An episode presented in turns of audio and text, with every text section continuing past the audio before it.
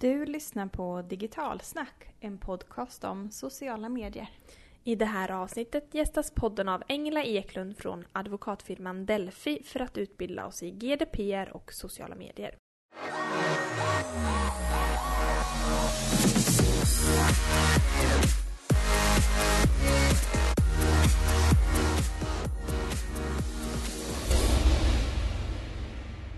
Hej och välkommen till Digitalsnack-podden. Podden som idag håller koll på det senaste inom sociala medier. Mm. Och i dagens avsnitt kommer vi bli lite klokare gällande GDPR som i maj kommer ersätta den nuvarande personuppgiftslagen. Och vi kommer få lära oss vad som gäller egentligen för sociala medier. Mm. Och den här podden görs ju av oss som vanligt. Cecilia och Jenny heter vi. Vi driver social mediebyrån Digitalsnack. Där vi annars när vi inte poddar, Mm. då föreläser vi, utbildar, coachar och gör strategier till företag som vill lyckas lite bättre i sociala Mm. medier. Och vi vill passa på att påminna alla lyssnare i och runt Norrköping att vi Woop woop kommer att föreläsa lite där framöver tillsammans med kommunikationsbyrån Reflex. Så då är det två datum, 4 april på Coffees i Söderköping och den 5 april på Handelskammarens frukostmöte i Norrköping. Och vill ni ha mer information eller anmä- anmäla er till någon av de här så finns det på digitalsnack.se. GDPR. Dessa fyra bokstäver som nog både skapat panik och förvirring Mm, hos många företag. Ja, gud ja. Och det är inte helt lätt att veta vad man behöver veta som eh, företag. Så vi passade på att träffa en expert som kan ge oss några tips på hur man bör tänka kring GDPR och sociala medier. Mm, hon heter Engla Eklund och advokatfirman heter Delphi. Som är framförallt experter om det här med liksom IT. Och de är även framröstade till Årets advokatbyrå 2017. Det kan inte bli proffsigare än så. Så lyssna noga nu.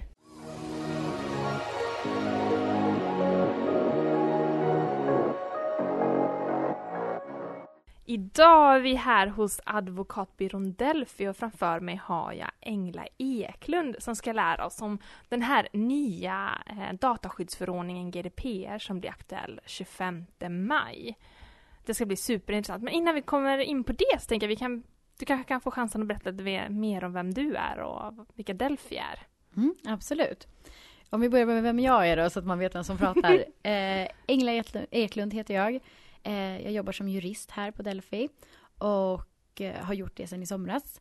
Jag är aktiv i Delphis TMT IP-grupp som det heter, så vi jobbar mycket med eh, det som vi ska prata om idag, personuppgiftsfrågor. Och utöver det så är jag ordförande för en organisation som heter Institutet för juridik och internet som jag driver tillsammans med en professor som heter Mårten Schultz. Intressant. Lägger du mycket tid på det institutet också eller? Det blir ju någonstans så att jag lägger all min tid på Delphis, eh, på arbetet jag gör här. Och eh, i den mån tid blir över så lägger jag all min fritid på, på mitt institut. Det är bra att ha bra intressen.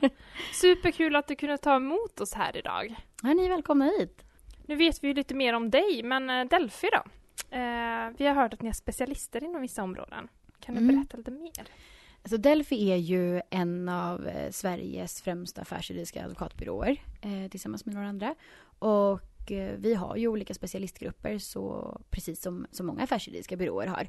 Eh, men Delphi har alltid haft sen, sen början av, av Delphi en ganska tydlig nisch mot, mot just IT-branschen. Mm. Eh, om man tittar på den gruppen som jag jobbar i, vi är jätteduktiga i andra grupper också, men om just min grupp så jobbar vi väldigt mycket mot, mot stora IT-företag och, och andra företag med eh, personuppgiftsbehandling, outsourcing, IT-avtal och så vidare. Så Och där har vi, GDPR. och väldigt, väldigt mycket GDPR just nu.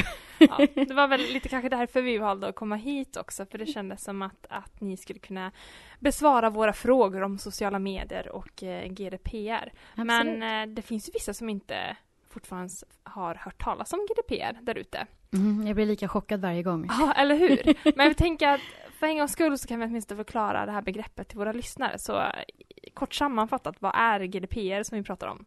Om man börjar med då, GDPR står för The General Data Protection Regulation och är en EU-förordning som kommer ersätta nu gällande lag i Sverige, vilket är personuppgiftslagen. Eh, och det här kommer ske då, precis som du sa, den 25 maj 2018. Och eh, vi närmar oss med stormsteg. Företagen börjar nu, eh, nu när januari kommer märker man att de börjar svettas lite. För det här är en ganska stor reform där, eh, där vi har haft lag innan som inte alltid har tagits på största allvar. För eh, följden av att inte förhålla sig eh, till den lagen har inte varit jättestora. Så att eh, skillnaden nu är ju verkligen att GDPR är på största allvar. EU tar det här på stort allvar och det kommer Sverige behöva göra också. Mm. Och GDPR är ju en förordning och så pratar vi om en lag. Mm. Vad är skillnaden där? Blir det en lag när den kommer till Det Sverige? blir det. Det blir det. Den blir direkt lag i sitt eh, fulla format, precis som den ser ut i dagsläget. Så att den här, eh, det kommer krävas vissa former av anpassningar i svensk lag, men det är bara på de delar som GDPR tillåter det.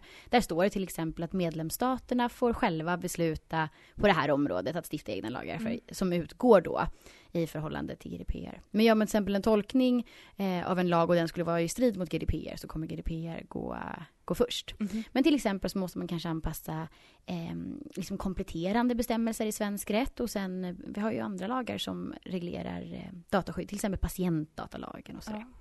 Man tänker sig när man hör ordet förordning kanske man tänker att det är lite snällare än lag. Men eh, då vet vi att det är... Den är värre. Ja, Den är precis. storbror. Exakt. Eh, Men vad är syftet med den här lagen då som kommer? Syftet är någonstans att harmonisera hela EUs eh, hantering av personuppgifter. För den här blir ju då tillämplig i alla EU-länder. Så att ehm, står man under EU så, så blir den här, den här träder i kraft liksom samtidigt i alla länderna. Mm. Så det är delvis det. Och sen är det också att EU vill att man tar ett hårdare grepp kring företagshantering av de här personuppgifterna. Och det finns ju en förklaring till det och det är ju att jag hörde någon säga häromdagen att eh, data har gått, upp, gått om olja i värde Mm. för företagen. Så att data är ju någonting av det som är mest värt just nu för företag. Och då måste det finnas tydliga regelverk för vad man får göra med den. Ja men precis, inte sälja personuppgifter kanske. Exakt så. Ja. Eller sälj dem, men gör det på rätt sätt. Ja Då. men precis. Inhämta alla samtycken och Ja. följa alla informationer. Men äh, gäller den här liksom alla? Eller hur, hur vet våra lyssnare om det gäller dem? Jag skulle säga att om man som lyssnare tänker att eh, det här eh, gäller inte oss, så tror jag att man bara ska tänka att eh, ha som utgångspunkt att den gäller er. Mm. Eh, och sen kan man eh, arbeta sig därifrån och istället då hitta att man är en av de få som faktiskt inte träffas av den.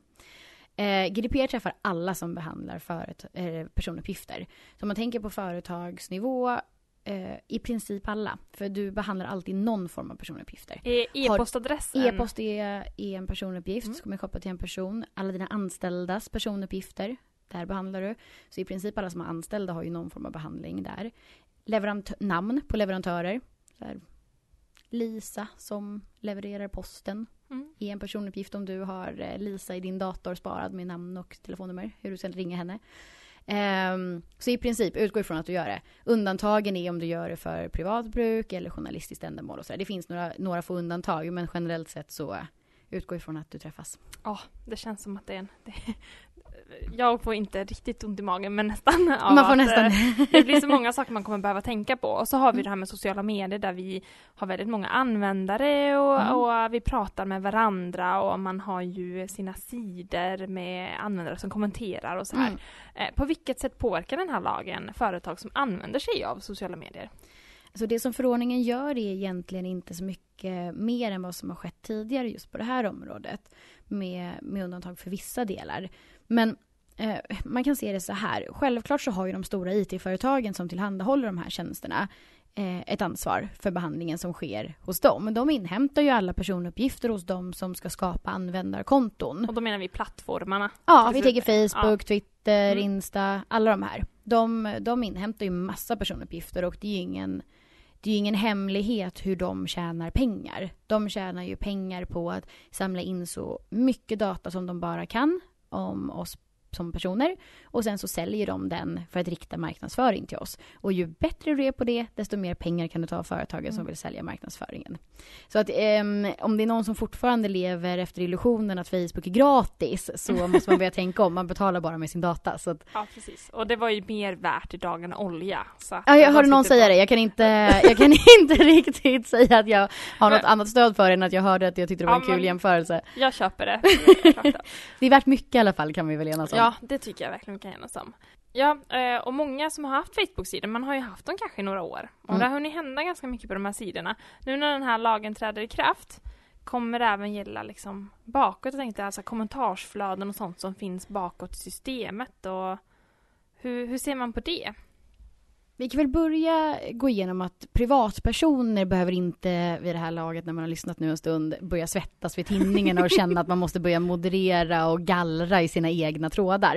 Eh, Facebook har ju ett stort ansvar här, till exempel om vi använder Facebook som Ja. exempel. Eh, men de som kanske borde ha lite koll på sin sociala mediehantering är ju de företagen som inte träffas av eh, privatundantaget i GDPR. Eh, eller som av liksom journalistiskt, akademiskt eller konstnärligt eller litter, litterärt ändamål har sina sidor. För de är undantagna. Så typ företag som säljer produkter eller tjänster. Alla företag i princip. Ja. Som inte har någon form av journalistiskt ändamål i princip. Eh, men sen finns det här privatundantaget och om man tittar till exempel på mig som exempel. Min eh, Facebook är i princip bara fylld av eh, olika, jag gör delningar som är relaterade till mitt jobb, jag delar när jag är med i media, jag delar artiklar som eh, den här ideella organisationen jag är ansvarig för har skrivit. Eh, det här eh, tyder på att jag inte ens, mitt eget privata konto på Facebook är mitt privata. Utan det börjar till och med där verka som att jag kanske är personuppgiftsansvarig för det som sker på mitt konto där. Om man anser att jag till exempel inte gör det här enbart för privata skäl. Då är det ju, då tänker jag, då kommer ju många influencers i, kanske in i bilden De är också. inte privata. Nej, exakt. Ja. Inte en chans. Ja, så då gäller ju inte om man har, på Facebook finns ju personliga profiler och så finns det sidor som är företagssidor. Mm. Och här eh, börjar då lagen sudda ut gränserna att en Ja, men eh, profil behöver inte vara personlig utan det beror på hur du använder profilen. Exakt. Hur Ja. öppna är dina pri- liksom privacy settings på den? Ehm, hur mycket vill du nå ut? Vilken typ av budskap vill du nå ut med? Lägger du bara upp bilder på katter? Eh, och, din- Familjemedlemmar och och familjemedlemmar och spagetti och köttfärssås och har 400 vänner på Facebook, då är du safe. Eh, börjar du komma upp på flera tusen, du delar mycket som har en koppling till dig som person, som Mm. jag gör eh, väldigt lite koppling till min, min Instagram är väldigt privat, så där är jag nog en privatperson, men min Facebook är mycket mer eh, Där är en yrkesverksam roll liksom. Mycket mer.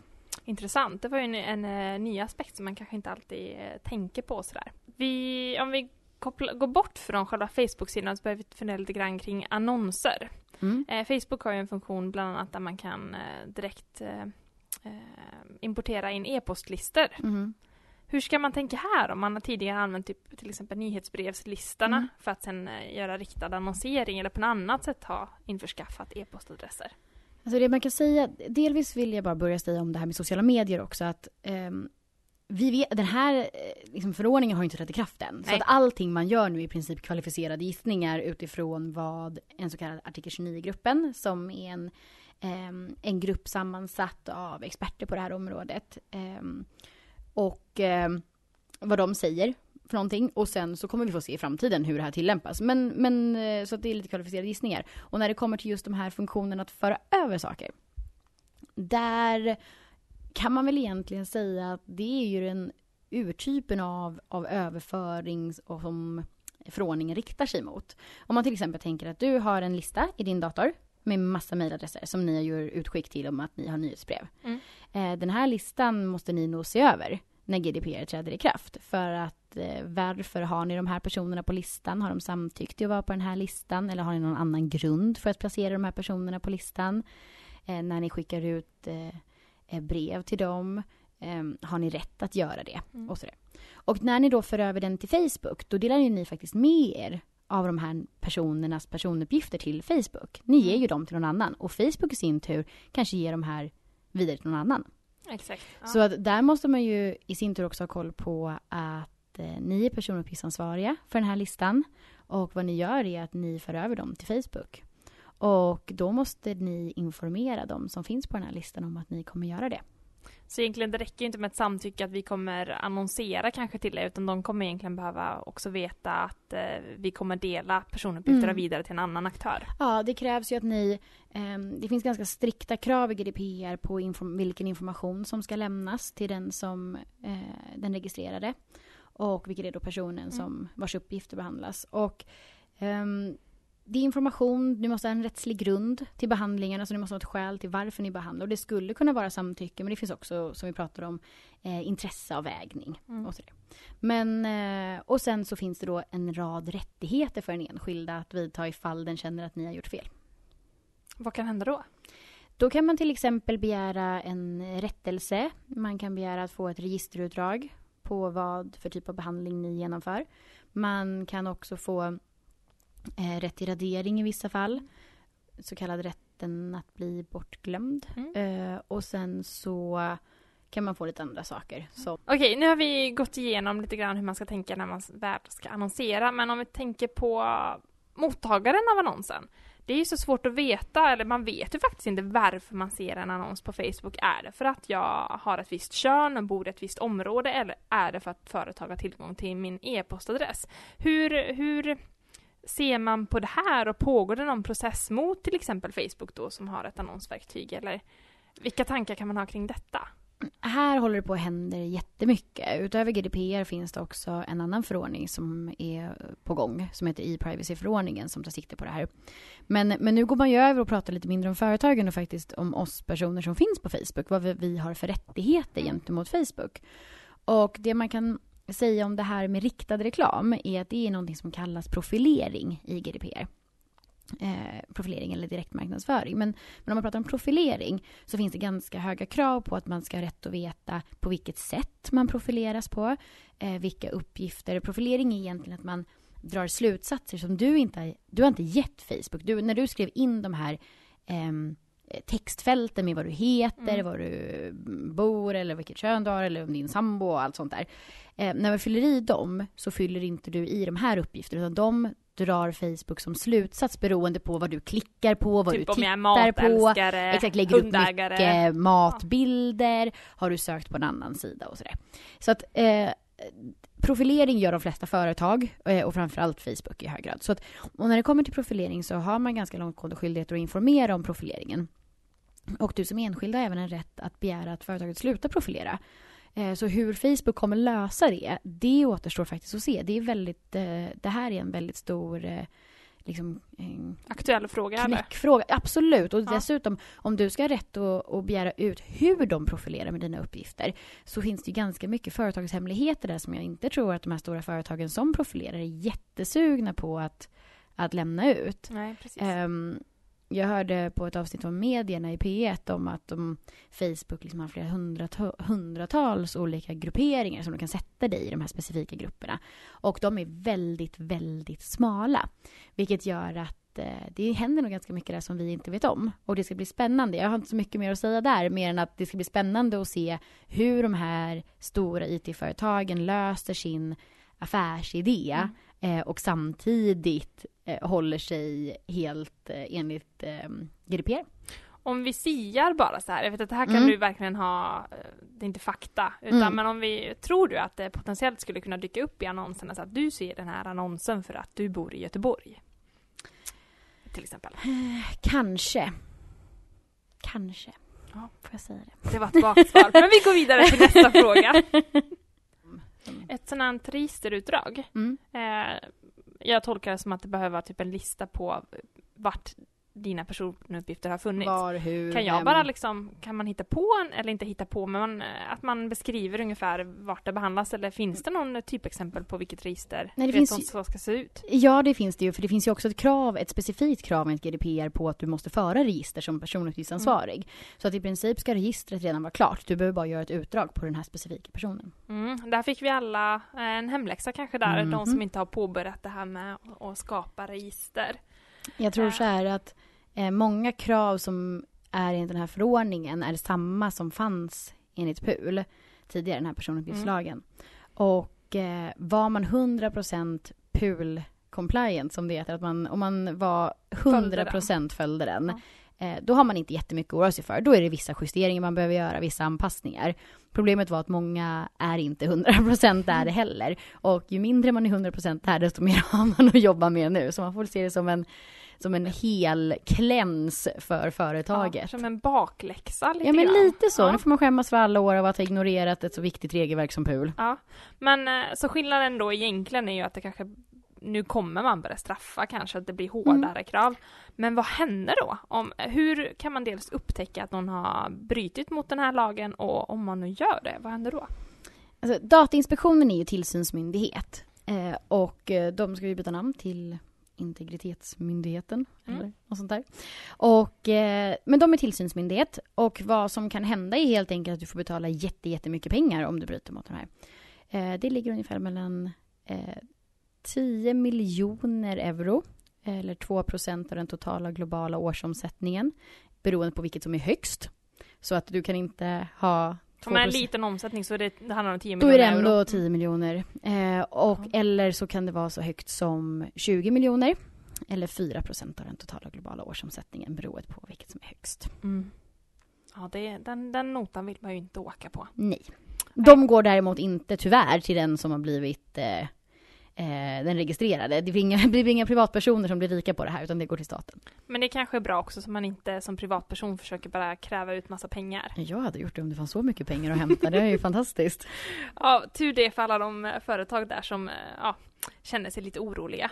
Men sist men inte minst, det känns som att vi har fått en ganska bra koll på vad GDPR är och, och vem den gäller och hur man ska jobba med den. Men om du får ge dina- dina tre absoluta bästa tips för de här som eh, behöver komma igång eller vill få ett sätt att kontinuerligt jobba på ett positivt sätt med GDPR i sociala medier. Vad ska man göra då? Tre tips. Håll koll på utvecklingen. Eh, se vad som skrivs om det, kolla Datainspektionens hemsida om det finns nya riktlinjer på det här området, så håll dig ajour. Skaffa rutiner och policies för ditt företag till hur även dina anställda ska hantera sociala medier.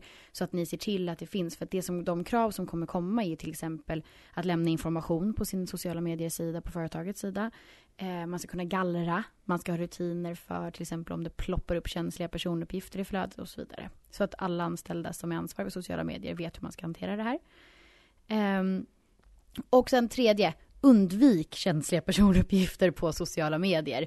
Ehm, även om det är så att, antingen att det är så att företaget själv publicerar känsliga personuppgifter. Det kan vara ganska enkelt. Det kan vara, här är Lisa, vår eh, fackliga representant på företaget. Eh, facktillhörighet är en känslig personuppgift och eh, där börjar det bli kämpigt om inte Lisa eh, verkligen ville att det här skulle publiceras eller gjorde Mm. det själv. Så att det, det kan gömma sig känsliga personuppgifter även eh, på vissa andra platser. B- fota någon med ett brutet ben har du en känslig personuppgift. Så att där ska man tänka till. Så att undvik känsliga personuppgifter. Och tänk på att känsliga personuppgifter även kan dyka upp i andra personers inlägg. Ja. Riktigt bra tips. Tack, eh, tack så jättemycket för att du eh, har eh, lärt våra lyssnare och oss, och oss hur eh, vi kan jobba med GDPR och vad det egentligen innebär. Tack!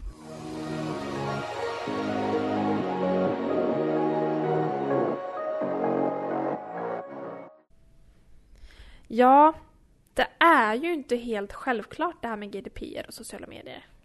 Det är ju också svårt i vår värld, det här med sociala medier, hur de här stora plattformarna kommer eh, att liksom anpassa sig efter den här nya lagen. Eh, och då tänker jag såklart på Google och Facebook med eh, men så här annonser. Att- Ja, för någonstans hänger det lite grann på hur de kommer kommer anpassa sig till lagen och då blir det väldigt svårt för oss som är aktiva i de här nätverken att riktigt veta vad som gäller. Ja men precis. Och om funktionerna finns fast vi vet att det bryter mot GDPR kan vi då ändå använda dem. Och det är det som blir lite lurigt. Vem ligger ansvaret på? Och det är klart, det är ju företaget som, som bär ansvaret även om funktionerna finns. Mm. Och det är lite lurigt. Så Mm. man behöver ha extra koll på vad det är som gäller helt enkelt. Så Mm. att man, man gör rätt. Mm. Och Facebook har ju själva gått ut med att de tar den nya förordningen på allvar och att eh, sedan en tid tillbaka faktiskt har arbetat med att granska och expandera sin plattform för att underlätta för användarna gällande just GDPR. Eh, och det de säger är ju att de jobbar med transparens, kontroll och ansvarstagande. Eh, och vad de säger om det är ju att de är öppna med hur data till exempel används, att det går att läsa på väldigt mycket och veta Eh, den data som samlas upp och eh, på vilket sätt Facebook har användning för det.